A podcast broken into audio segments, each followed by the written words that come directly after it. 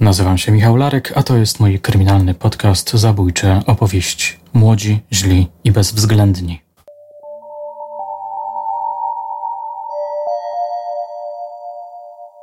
Pobiliśmy się tam i od, odchodziliśmy już. On tam jeden nie odpuścił, pobiegł za nami. No i tak go od słowa do słowa i z, z powrotem się nawiązała. A wie pan, no, czterech nas było, każdy gdzieś tam uderzył, każdy gdzieś coś kopnął i, no i upadł na, na, na, na beton. I tam z tego, co już później tam obdukcja, ten, podstawa czaszki pękła, odprysk bił się mózg i tak się to... S... My żeśmy odeszli stamtąd, myślałem, że żyje, bo, bo jak żeśmy odchodzili, no to jeszcze mężczyzna tam żył, no ale policja, gdy już przyjechała, mówili, to nas, nas skręcili na osiedlu. No i przyjechała policja, po- połapali do szpitala. Później na komendzie się dowiedziałem, że mężczyzna nie żyje.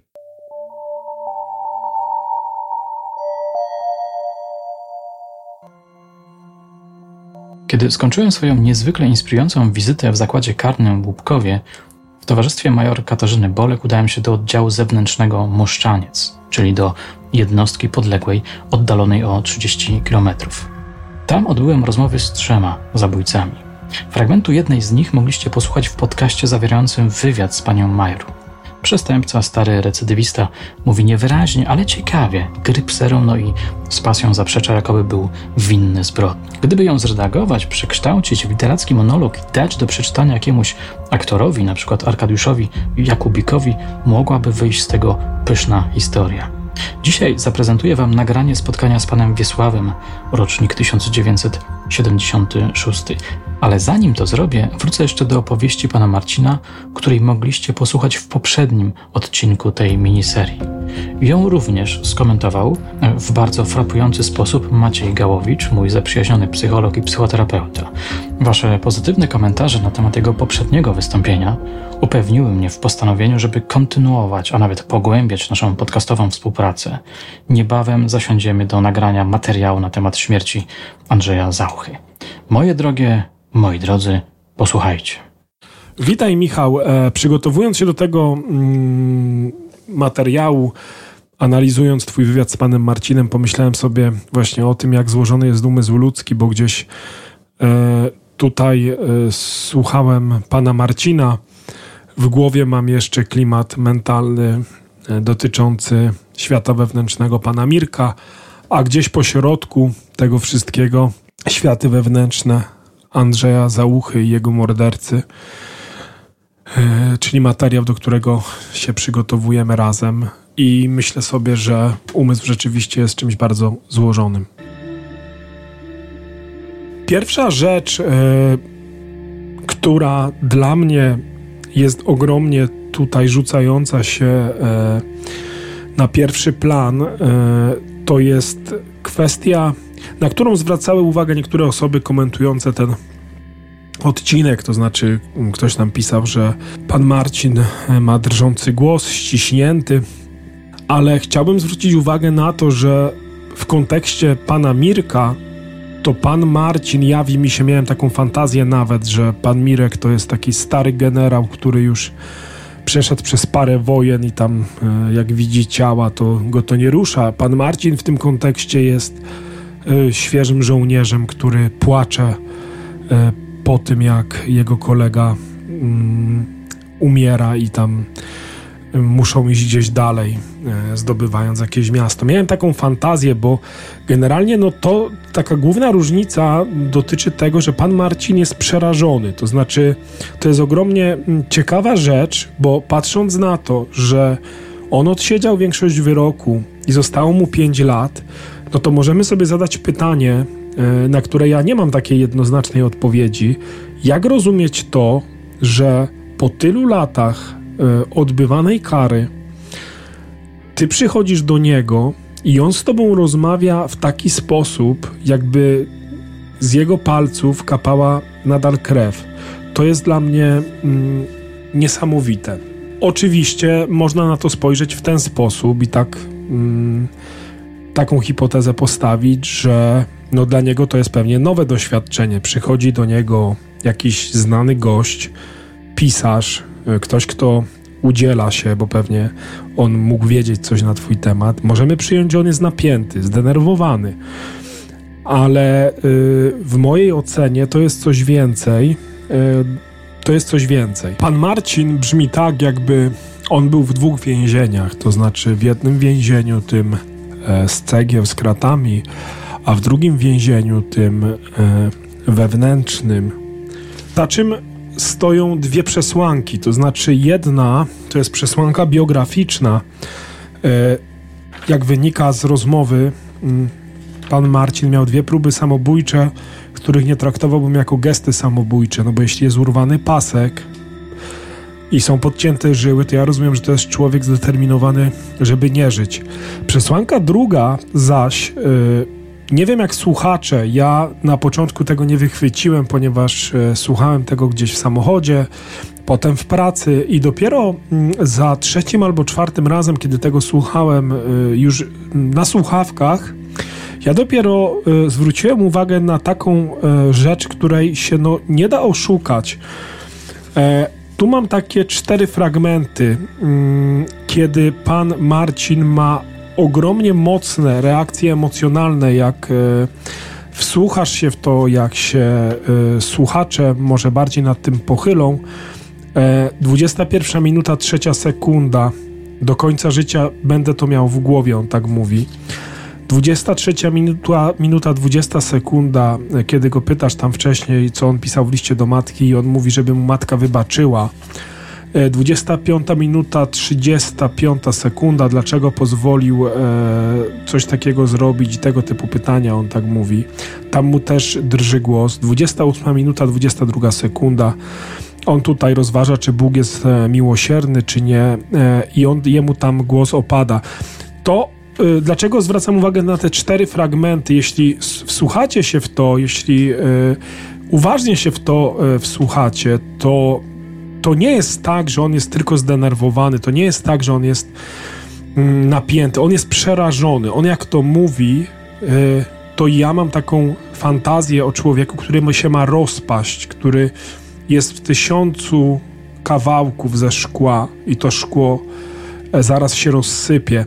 To jest taka reakcja emocjonalna, która pokazuje pewien stan pierwotny e, w mojej ocenie u pana Marcina, taki stan nieprzetworzonego bólu, dramatu, czegoś, czego on nie umie nazwać, czegoś, z czego w tym całym dramacie egzystencjalnym zdaje sobie sprawę. I dlatego y, zwracam uwagę na te fragmenty. Napisałem jakby na obserwacji na list i żeby zobaczyć. Czy miał pan dwie próby? A co było w tym liście? Do matki napisałem. Co pan napisał? I to wybaczyłem. Żeby wybaczył? Dokładnie nie pamiętam, co napisał. A wyjaśnił pan, dlaczego pan to zrobił? Nie wiem, nie pamiętam. Zastanawiająca rzecz. Faktycznie, mm, ty o tym e, wspominasz na koniec, tak? To znaczy ta niepamięć e, zdarzenia. No i to jest e, też interesujące, jak ty pytasz pana Marcina mm, o to, dlaczego doszło do tej tragedii. Ty go pytasz pierwszy wybuch i on w ogóle jakby nie próbuje mentalizować, zastanawiać się nad tym. On jakby kompletnie nie wiedział, co się zadziało. I on, i to jest dla mnie y, ciekawe, bo on mówi, że tak mm, psychiatra powiedział, że on, że kumulowałem w sobie złość. Czyli rozumiem, że on jakby nazywa to, co się stało, czyimiś e, czyimi słowami, nie, czyli on, on nie rozumie tego, co się zadziało, albo nie chce rozumieć, albo w jakiś sposób coś e, czemuś zaprzecza tak mocno, prawda? Bo po takim czasie pewnie moglibyśmy zakładać, że on będzie miał jakąś koncepcję tego, co się wydarzyło. E, no jedyna, jedyna koncepcja, jaką on ma, to to jest ta koncepcja rycerza, tak? Czyli, że tę panią chciał przed e, złym królem uratować. Natomiast on nie ma za bardzo innej koncepcji. E, zostawiam fragment wywiadu, który myślę, że można bardzo różnie analizować. On wzbudził moją ogromną ciekawość. To jest między 21 w zasadzie a 22 minutą. To się domyka i tu, ty tutaj, Michał, jakby pytasz go o powracające obrazy I tu pada w waszej wymianie słowo dom. E, on tu mówi, o, że myśl o, o tym domu powraca. Mówię o tym w kontekście mm, pewnej symboliki, bo nie wiem, jak, jak, to rozumieć. Znaczy, myśl o tym domu, w którym doszło do morderstwa, myśl o domu rodzinnym, gdzie nie było ciepła. 21 minuta 32 sekunda. On jest troszkę rozdrażniony Twoim pytaniem o awantury w domu. Mam takie e, wrażenie. Były jakieś tam awantury, taki ton lekko, no mówię, rozdrażniony, troszkę mm, taki zmanierowany. I bardzo ciekawe, ty pytasz, jak pan reagował, i on teraz zmienia czas. Oczywiście ja się to, to nagranie nie jest do końca wyraźne, ale on mówi: Staram się uciekać stamtąd. Y, powinien powiedzieć: Starałem się uciekać stamtąd. Jak, jak się wsłuchasz, on używa czasu teraźniejszego. To znaczy, ja jak tego słucham, takie mam myśli na ten temat. I teraz taka wisienka, wisienka na torcie, bo ty cały czas próbujesz e, tworzyć z nim narrację socjologiczną dotyczącą sytuacji w domu, socjologiczno-psychologiczną. Pytasz o dom. On ci odpowiada troszkę w taki sposób, jak e, wkurzony konserwator, który zostaje po godzinach, bo mu dyrektor kazał tam dorobić jakiś grzejnik albo pomalować ścianę. Więc ty go pytasz dalej, ty go pytasz dalej. I teraz y, tu jest 21 minuta 48 sekunda. Ty pytasz go, czy pan sam był bity i jego odpowiedź w tym wszystkim nie brzmi nie, tylko on odpowiada ostatecznie nie wiem. I dlaczego to jest dla mnie bardzo ciekawe, istotne i ważne? E, ponieważ to też pokazuje to tło pochodzenia, to znaczy ten klimat domu, w którym my wyrastamy, ale też e, to, że pewne traumy w nas zostają, a nie zawsze umiemy je nazwać, bo ja mam taką fantazję na temat domu, w którym dorastał pan Marcin, e, że tam rzeczywiście coś było nie tak, tylko że tutaj narracja idzie według mnie tak trochę mm, powierzchownie w stronę alkoholu. Y, może powiem y, w podsumowaniu, dlaczego tak uważam. Tu muszę wejść w słowo Maćkowi, ponieważ ja słyszę jedno krótkie nie, a potem dopowiedzenie nie byłem. Posłuchajcie sami. A był pan wcześniej świadkiem przemocy? No, no w domu jakieś tam były, jakieś tam awantury mama z tatą, nie? Jak pan na to reagował, kiedy pan widział coś takiego? Starał się jakoś uciekać stamtąd. Pan sam był bity? Nie. Chciałem zwrócić uwagę na trzy rzeczy. Pierwsza, jakiś wspólny mianownik z panem Mirkiem. No właśnie, pan Marcin, mm, co istotne, wydaje mi się, mówi o tym, że gdzieś tam w jego życiu były mm, takie wydarzenia jak drobne kradzieże. Tutaj żartem, nie wiem, znaczy chyba nie żartem, ale może tak to brzmi, o pół kilograma bananów skradzione. Nie, nie wiem w jakim wieku, to jest też istotne, prawda? Ile on miał lat, jak to się działo. Motocykl, samochód, tak troszkę mówione to takim tonem, jakby to był standard, że jak wracam sobie z dyskoteki z Marysią, no to po prostu biorę czyjeś auto, na przykład mijam auto Michała Larka, biorę je i po prostu jadę nim do domu. No, wydaje mi się, że to pokazuje jakiś no też e, e, deficyt moralny i dlatego mnie się to kojarzy też e, z, z tym wywiadem z panem Mirkiem i generalnie z tą e, jego historią e, życia. Kolejna ciekawa rzecz łącząca tych dwóch mężczyzn, każdy z nich używa w trakcie wywiadu z tobą słowa amok. Druga rzecz to jest taki wątek, dotyczący mm, kontekstu socjologiczno-psychologicznego, który próbujesz tutaj e, gdzieś myślę cały czas e, drążyć. E, bardzo mm, to mi się podoba.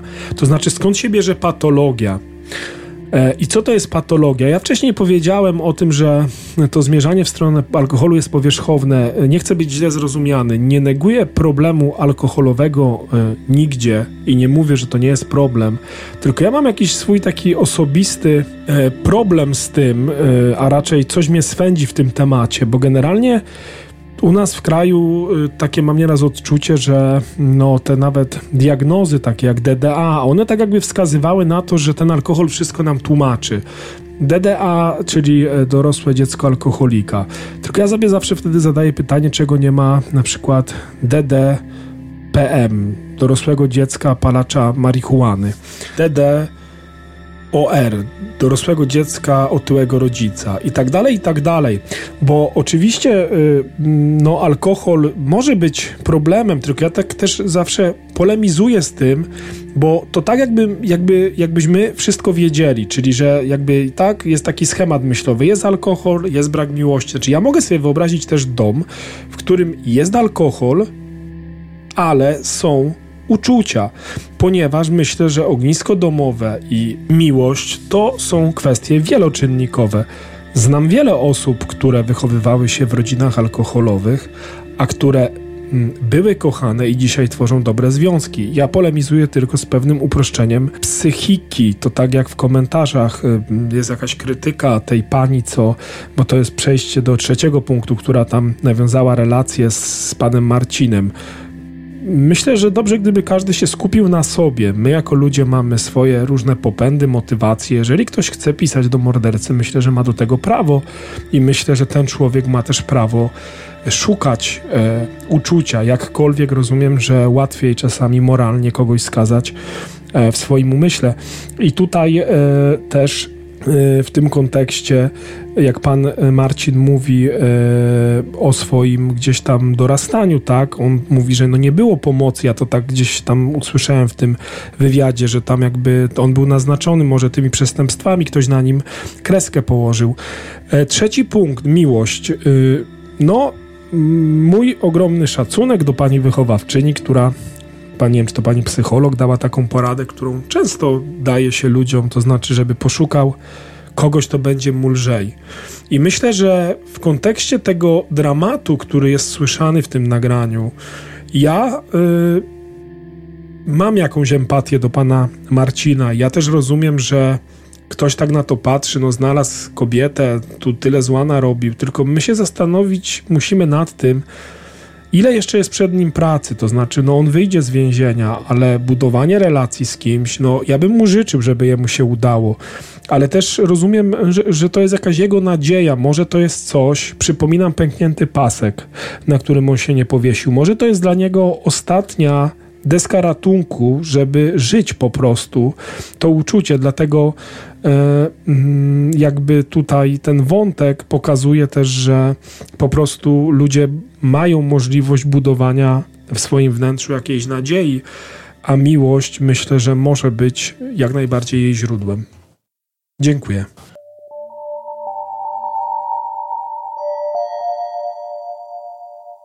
Ostatnio już wspominałem, że opowieść pana Marcina, zarówno jego treść, jak i forma, ściśnięte gardło, cedzenie słów, łamiący się głos, wywarło na mnie wielkie wrażenie.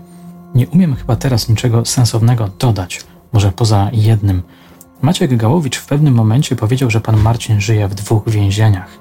Mnie się czasami wydaje, że człowiek to istota, która żyje w więzieniu własnych emocji, obsesji, pragnień, albo może raz po raz zostaje w nim zamknięty, albo sam się w nim zamyka.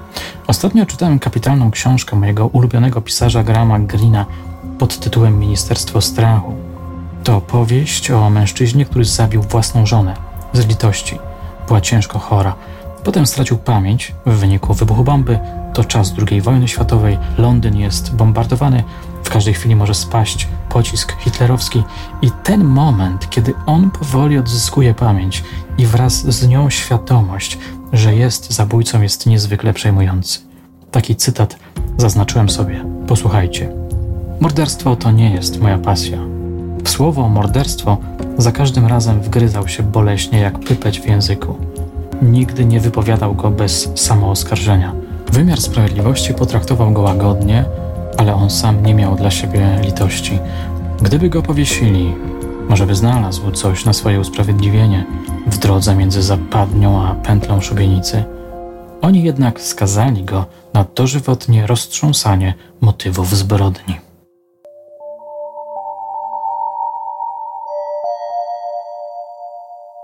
Opowieść pana Wiesława zaczyna się od krótkiej wzmianki o ucieczkach z domu. Pada tam też informacja o mamie, która przeprowadziła się do innej miejscowości. Tam poznała mężczyznę, z którym się związała. Jak już za chwilę usłyszycie, nie polubili się. Nie po drodze z nim miałem. Dlaczego? Co było z nim? Kurczę, ja wiem.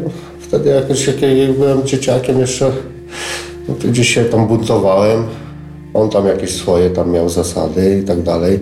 Też tak nadużywał alkoholu. No i zaczynały się burdy, więc uciekałem z domu. No i uczyłem się, gdzieś wyjeździłem po Polsce i w ogóle gdzieś, gdzieś, gdzieś tak no ten, poznawałem tam jakichś znajomych, no uczyłem się po mieście. No i zacząłem kraść, żeby na coś trzeba było skądś pieniądze. To zacząłem kraść. I tak się to zaczęło. Później zamknęli mnie do pogotowia opiekuńczego, bo nie chodziłem do szkoły. Szkoła się wróciła o to. No do pogotowia, z pogotowia opiekuńczego uciekałem, nie wracałem z przepustek. No i później schronisko dla nieletnich, tam w zaostrzonym rygorze, tam już poznałem takich chłopaków gdzieś z Polski, tam różnych. No i tak, tak, tak, tak to się zaczęło.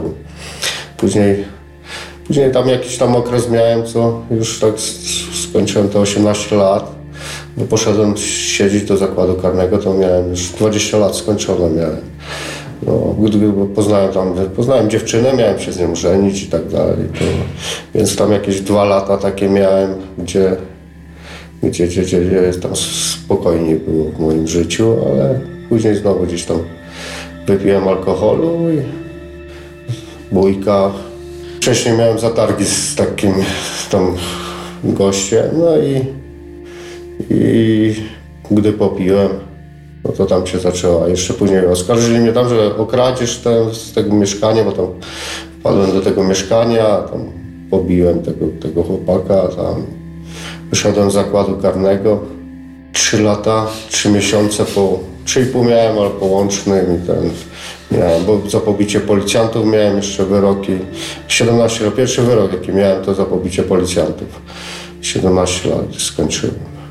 Później drugi raz też miałem pobicie policjantów. Miałem próbę ucieczki tam z konwoju, tam z tego, chociaż nic mi, nic mi nie groziło, nic mi nie ten, tylko ten dla takiej jakiejś tam głupoty za mało lata takiej, żeby uciec. No i tak, tak później to właśnie za to jeszcze miałem wyroki, no połącznym potem wszystkim miałem 3 lata, 3 miesiące wyroku. No i wyszedłem z zakładu karnego wtedy, tam w wieku 24 lat, no i i bójka i skończyłem tak jak teraz. Skończyłem tak jak teraz. Bardzo enigmatyczna formuła, prawda? A tu przecież chodziło o dokonanie zabójstwa. Poprosiłem więc pana Wiesława, żeby dokładniej opowiedział, co się wydarzyło tamtego feralnego dnia. Bili się moi koledzy tam. No, ja stałem na przystanku koło na osiedlu u siebie tam. I poprzybiegli, bo, bo, żeby tam pomóc, bo bójka jest, tam ich tam było pięciu tamtych gości, nas było czterech wtedy. Oni, przy, koledzy przybiegli po mnie, no i pobiegliśmy tam, no i, no zaczęła się bójka. No i zginął tam mężczyzna. Pobiliśmy się tam i od, odchodziliśmy już. On tam jeden nie odpuścił, pobiegł za nami. No i tak od słowa do słowa i z, z powrotem się nawiązała. A wie pan, no, czterech nas było, każdy gdzieś tam uderzył, każdy gdzieś coś kopnął i, no i upadł na, na, na, na beton. I tam z tego, co już później tam obdukcja, ten, już podstawa czaszki pękła, odprysk bił się w mózg i tak się to... My żeśmy odeszli stamtąd, Myślałem, że żyje, bo, jak żeśmy odchodzili, no to jeszcze mężczyzna tam żył, no ale policja gdy już przyjechała, mówili, to nas zaraz skręcili na osiedlu. No i przyjechała policja, nas połapali do szpitala. Później na komendzie się dowiedziałem, że mężczyzna nie żyje. Jak w ogóle doszło do tej dwójki? Dwóch kolegów poszło tam nad, bo to no, u mnie na osiedlu jest ulica i zaraz rzeka jest zaraz koło tego, koło tego osiedla. No i no, tam pili alkohol. I oni poszli dwóch tam, ja nawet już nie wiem po co oni tam poszli. W ogóle tych dwóch kolegów. No, wczoraj, oni byli tam osobno wcześniej, ten, tylko znaliśmy się z osiedla. No i przybiegli za chwilę tam na, przez, koło przystanku tam na osiedlu i mówią, Wienia chodź tam pomóż, ten, bo jest zadyma. A ja zawołałem jeszcze jednego kolegę, pobiegliśmy tam w czterech. No i zaczęło się. Od słowa do słowa, przepychanki. On był agresywny w stosunku do was? To znaczy się, nie, że chyba nie, no wie pan, no, oni tam byli wypici, my byliśmy wypici, no i tak samo oni, oni tam, ja wiem, czy agresywne, nie, no bardziej my chyba byliśmy bardziej agresywni jak oni, no. Na początku, no to tam myślę, że, że można to było wszystko inaczej załatwić i odejść i tak dalej. Kiedy pan y, wdawał się w takie bójki, e, to nie bał się pan, że no właśnie tak to się może skończyć, że to skończy się tragedią? No nie, nie, nie myślało się nawet na, na tak, tak że, że, że tam gdzieś pięścią, ja nigdy się nie biłem, że tam miałem jakieś, brałem jakieś narzędzie czy coś, no to nie, nie, nie, nie, nie, nie myślałem o tym, że pięścią czy coś można kogoś zabić, czy, czy jakieś, jakieś, w taki sposób. Wiadomo, tam gdzieś siedziałem, siedzieli tam goście, ale to uderzył jakimś kijem baseballowym, czy uderzył nożem, czy czymś. Ja nigdy tak, takiego, jakiegoś tam narzędzia, czy, czy czegoś takiego nigdy nie, nie, nie, nie brałem. Tam biłem się, bo się biłem, ale, ale, ale nie- nigdy tam nie dopuszczałem do głowy, czy coś, że można kogoś zabić ręką, czy, czy ten. Mieliśmy mieć tam zmienione te artykuły, tam na pobicie ze skutkiem śmiertelnym. W Tarnowie sprawę żeśmy mieli tam zaczętą, później przynieśli nam sprawę na Rzeszów.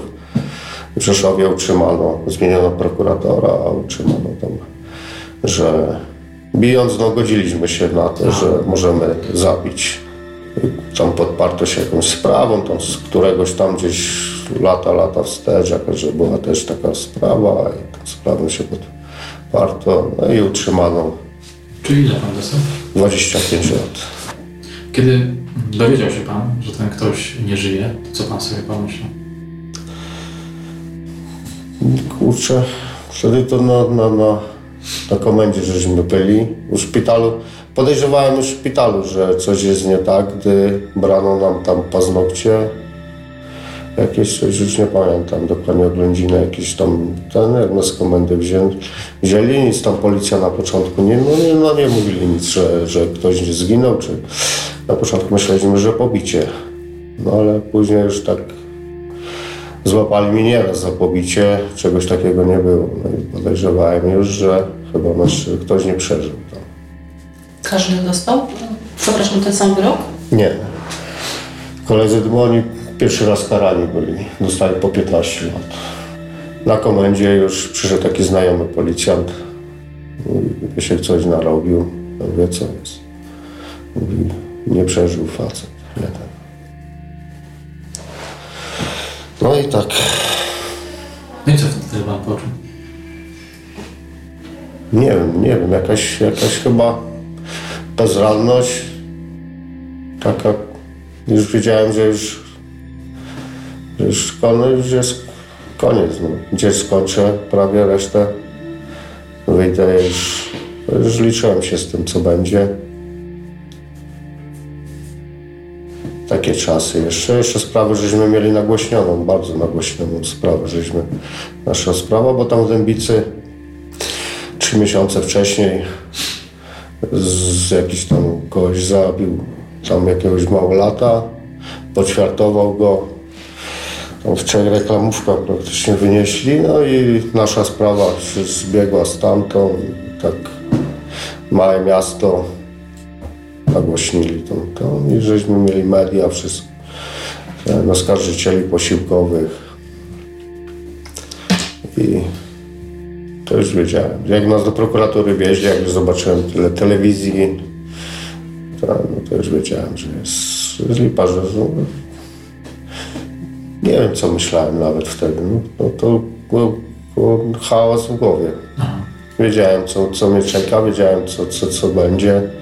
Już tam 24 lata miałem, to wiedziałem, już, że już szybko nie, nie, nie, nie wyjdę i, no, i tam jakieś tam na pewno wyjdę. Tam nigdy nie, nie, nie podejrzewałem, lubiałem się bić, lubiałem, nigdy nie podejrzewałem, że będę siedział za zabójstwo. No, no. Takiego, to były takie jakieś gw- gwałt, zabójstwo, jakieś takie, ten, to były jeszcze w tamtych latach to były to takie jakieś przestępstwa, gdzie, gdzie, gdzie nigdy wiedziałem, że nigdy tego nie, nie zrobię. No. nigdy nie będę za coś takiego siedział. No, niestety przy, przy jakiś tym rozbójki może coś takiego być. Nie, no, Nie zakładam, tak? no nie zakładałem tego, że rozbójki tego właśnie może być. Wiadomo, tam na początku w zakładzie karnym, no to później te gazety czytałem, czytałem na początku, później już przestałem czytać, no ale no wtedy, wtedy bo ten mężczyzna zostawił też dzieci małe, wie pan, no to tak kurde, no, no nie jestem jakimś tam kurde zwyrodnialcem, czy, czy ten, żebym nie odczuwał czegoś, wie pan, widzi pan zdjęcie starszego syna, tego faceta, gdzieś tą córkę tą małą trzyma na rękach w gazecie, no to tym bardziej, że miałem młodsze siostry, wie pan. Żałował pan?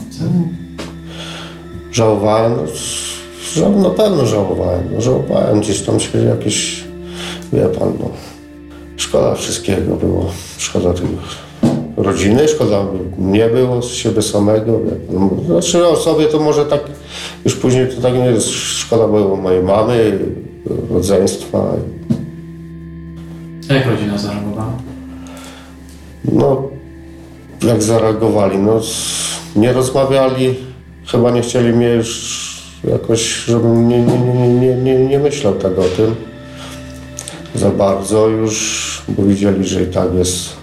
No, na początku to kurczę, no jakoś tam przeżywałem to jakoś, no i nie rozmawialiśmy tak no, na ten temat Ale na widzeniach czy, czy, tak, tak, do dzisiaj mam kontakt, tam odwiedza mnie mama, tylko wie pan, jeszcze przed pandemią, przed tym to rodzeństwo, ma, mam kontakt cały czas z nimi. Mama też jakoś chyba brała to na siebie, że wiedziała, że z tego, co mi starsza siostra mówiła, no to gdzieś tam, gdzieś tam siebie też winiła o to. No, gdyby nie ta przeprowadzka, gdyby nie to wszystko, pewnie by inaczej było. Wspomin- Wspomina pan czasami to wydarzenie? Na pewno, wszystko pamiętam z tego, z tego wydarzenia. Mimo, że tam byłem wypity czy ten, ale pamiętam wszystko, pamiętam, pamiętam.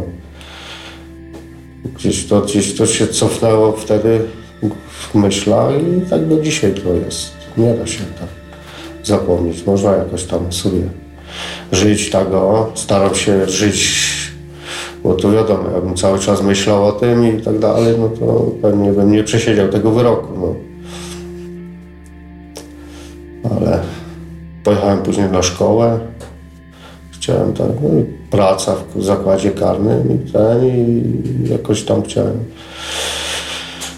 jakoś, żeby wyjść jeszcze z tego zakładu, no i jakoś może przynajmniej stare lata przeżyć na wolności. I tak to, co najlepsze, to stracone. Co pan zamierza robić po wyjściu? Ja wy, chciałbym wyjechać tam do siostry i do szwagra do Norwegii. Bo chcą mnie, szwagier mnie chce zabrać, on tam zatrudnia tam ludzi na, na przybudowie tam jakichś tam z drewna tam domów takich tych. No i chciałbym tam pojechać, chcą mnie zabrać z, Polski i odizolować się od tego wszystkiego. No w Polsce to raczej chyba nie. No, myślę, że, że, że myślę, że tam już ja kieruję swoim życiem, nie, nie nikt, ani tam jakieś ten, ale, ale, ale pewnie mam tam gdzieś z tyłu jakieś obawy, że mógłbym gdzieś wrócić na jakieś To był ciekawy moment opowieści, nawet bardzo ciekawy. Zapytałem pana Wiesława, czy się boi powrotu na wolność. Nie, czy ja wiem, czy się boję, nie, nie może, że się boję, tylko że, no nie, nie wiem, no to jest, wie pan, no, to, jest połowa życia tutaj, to się tak mówi, no słyszałem o niejednym, jak wyszedł i gdzieś tam, gdzieś się napił, gdzieś coś, wie pan. No, nie chciałbym się napić, nie chciałbym gdzieś spotkać jakiś tam znajomych gdzieś, część, część powyjeżdżała, no, większość powyjeżdżała, znajomych, ale myślę, że tam kolegom utrzymuję z tymi, co, co, co byli do sprawy, utrzymuję, ale oni wyszli tam, bo oni dostali wokandy, wyszli po 10 latach, no to już jest 12 rok. No i każdy z nich powyjeżdżał i żyją normalnie. Co? Jeden jest z Szkocji, drugi jest z Anglii. Ten. No i trzeci właśnie jeden wspólnik, co był, nie, no to nie, nie dał się namówić na wyjazd. No i gdzieś tam wypadek jakiś nie, nie, nie żyje. Nie żyje. Tak. Wyszedł, gdzieś poszedł w dragi, w alkohol i nie żyje. No, no i tak wie pan. Ja chciałbym w ten sposób. Tamtym dwóm udało się. Nie mieli do tej pory żadnym z prawem do czynienia, ani, ani żadnych jakichś tam spraw, ani nic. Żyją sobie, pozakładali rodziny. Jeden w Anglii, drugi w Szkocji. Myślę, że tam jakoś, ale tak żeśmy to uzgodnili, że się nie spotykamy i tyle. No. Tak uzgodniliście? Tak, oni też tam między sobą i tyle, no bo nie wiadomo jaki jeden na drugiego miałby wpływ. Wolimy przez telefon porozmawiać i tak samo oni tam, czy to w Szkocji, czy w Anglii też wolą przez telefon pogadać. Tak.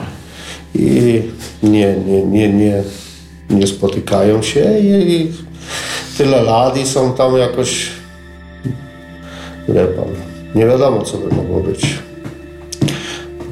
A ich rodziny, nie wiem, żony wiedzą o... Tak, Co się stało? tak, tak. Nie przeszkadza im to? No wie pan, no. Nie, nie, nie, nie rozmawiałem tak na No. ten temat, że jak on tam z swoją żoną, czy, czy ten, jak to on to rozmawiał. Nie wiem. No ale myślę, że, że, że chyba tam jakoś no, porozmawiał i chyba jej powiedział na pewno, czy jeden, czy drugi na pewno powiedział, bo to w dzisiejszych czasach to w internet wejdziesz, żona czy coś i wie wszystko. No przecież to, to, to, to, to jest na, na tym. Pan zamierza związać się z kimś? Na pewno, no. Jeśli, wie pan, wyjdę, chciałbym założyć jeszcze rodzinę i tak dalej. Jak będzie, no to czas pokaże. No ale na pewno już przynajmniej resztę życia żyć normalnie. Już dość tego kryminału. Wyjdę trochę lat, będę miał już odsiedziane, więc wie pan. Większa połowa życia.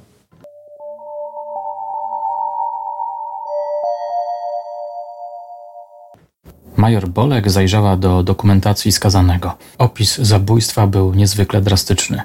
W naszej rozmowie całe to tragiczne zdarzenie zostało skrócone do bójki, która zakończyła się śmiercią wędkarza. Rzeczywistość była jednak bardziej brutalna. Zdarzenie składało się jakby z dwóch faz. Pierwsza faza. Młodzi pijani agresorzy zaczepiają nad rzeką kilku wędkarzy. Jeden z nich mówi napastnikom, żeby przestali się rozbijać. To denerwuje mojego rozmówcę, który podbiega do mężczyzny i zaczyna uderzać go w głowę o drzewo. W efekcie mężczyzna traci przytomność i wpada do rzeki. Potem odzyskuje świadomość i jakoś wychodzi z wody. Tutaj następuje przerwa, agresorzy i ofiara rozchodzą się. Na krótki czas. Wkrótce dochodzi do ponownego spotkania mojego rozmówcy z wędkarzem. Tym razem agresor masakruje mu głowę. Ciężko było czytać ten opis, opowiadała mi pani major. Do agresora podbiegają jego koledzy i zaczynają kopać wędkarza. Major Bolek relację pana Wisława oceniła jako powierzchowną i oschłą. Stwierdziła też, że jego żal za swój czyn jest instrumentalny, jedynie poznawczy. Wie, że źle zrobił, ale nie odczuwa tego za bardzo. Jego identyfikacja ze swoim czynem nie jest zatem emocjonalna, czyli nie jest głęboka. To bardzo ciekawa, choć niepokojąca opinia. Czy trafna? Nie mnie sądzić, choć chciałbym wierzyć, że pan Wiesław jest już mentalnie daleko od tamtego poprzedniego swojego kryminalnego życia. Udało mi się znaleźć w internecie sporo doniesień prasowych na temat tamtego zdarzenia, które miało miejsce w roku 2000. Znalazłem m.in. artykuł Zabili za 5 zł opublikowany na stronie Dziennika Polskiego w październiku 2000 roku. Kilku pijanych zwyrodnialców skopało na śmierć 41-letniego ojca czwórki dzieci, bo nie chciał im dać 5 złotych na wino. Napastnicy znali swoją ofiarę, mieszkali na jednym osiedlu. Do tragedii doszło w Dębicy pod mostem łączącym to miasto z sąsiednim Zawierzbiem. W poniedziałek po południu trzej wędkarze łowili ryby w Wisłoce. Z wyjaśnień świadków wynika, że podeszła do nich grupa pijanych młodych ludzi. Zażądali pięciu złotych na wino. Gdy wędkarze odmówili, pierwszy z nich dostał kilka ciosów butelką w głowę. Kiedy chciał wsiąść na rower i uciec, napastnicy złapali go i razem z rowerem wrzucili do rzeki. Mężczyzna przepłynął kilkadziesiąt metrów z prądem rzeki i wydostał się na brzeg w rejonie budynku Ligi Obrony Kraju przy ulicy Kościuszki. Z pobliskiego baru zaalarmował policję. W tym czasie nad rzeką trwał dramat. Bandyci byli pozostałych dwóch wędkarzy. Jednemu udało się wyrwać prześladowcom i uciec. Trzeci nie zdążył. Na 41-letnim Edwardzie Z skupiła się cała agresja bandytów. Przewrócili go na ziemię i kopali. Świadkowie twierdzą, że skakali po głowie leżącego, bezbronnego człowieka. Zdążyli uciec przed przyjazdem policji. Edward Z zmarł zanim przyjechało pogotowie ratunkowe. Osierocił czworo dzieci w wieku od 3 do 17 lat. 13 grudnia 2002 roku rzeszowska wyborcza.pl tak poinformowała o procesie w sprawie zabójstwa pana Edwarda. Wyrok w tej sprawie po raz pierwszy zapadł w kwietniu bieżącego roku. Po apelacji sprawa wróciła ponownie do sądu okręgowego. Tym razem sąd okazał się jeszcze surowszy. Wiesław P. został skazany na 25 lat pozbawienia wolności, ale o zwolnienie warunkowe może się ubiegać dopiero po 24 latach. Kary zostały zaostrzone wobec trzech innych oskarżonych. 20-letni Piotr Z i o rok młodszy Damian S. otrzymali karę po 15 lat pozbawienia wolności za pobicie wędkarza ze skutkiem śmiertelnym. Wcześniejsze kary po 12 lat więzienia. Natomiast 20-letniemu Sebastianowi M., który wcześniej został skazany na 13 lat, sąd wymierzył karę także 15 lat więzienia za nakłanianie kolegów do zabójstwa oraz liczne rozboje. I jeszcze jeden fragment, jak myślę, dość wymowny. W uzasadnieniu wyroku sędzia mówił o wysokiej demoralizacji oskarżonych. Ponadto uznał, że opinie biegłych, potwierdzone zeznaniami świadków, wykluczają, by śmiertelny uraz głowy Edwarda Z nastąpił w wyniku przewrócenia się, jak utrzymywali oskarżeni. Ich wina zatem jest bezsporna. W myśl aktu oskarżenia Wiesław P. kopał ofiary po głowie, Piotr Z. i Damian S. po całym ciele, natomiast oskarżony Sebastian M. nakłaniał kolegów do zabójstwa, używając słów ubijcie go.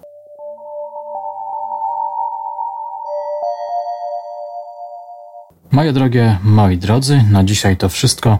Mam nadzieję, że niniejszy podcast, jakkolwiek traktujący o rzeczach strasznych i tragicznych, dał i będzie Wam dawał do myślenia. Będę bardzo rad, jeśli podzielicie się ze mną swoimi przemyśleniami. Piszcie komentarze, ślijcie maile, dyskutujcie między sobą. No i wypatrujcie nowego odcinka. Tymczasem żegnam się z Wami. Do usłyszenia już niebawem.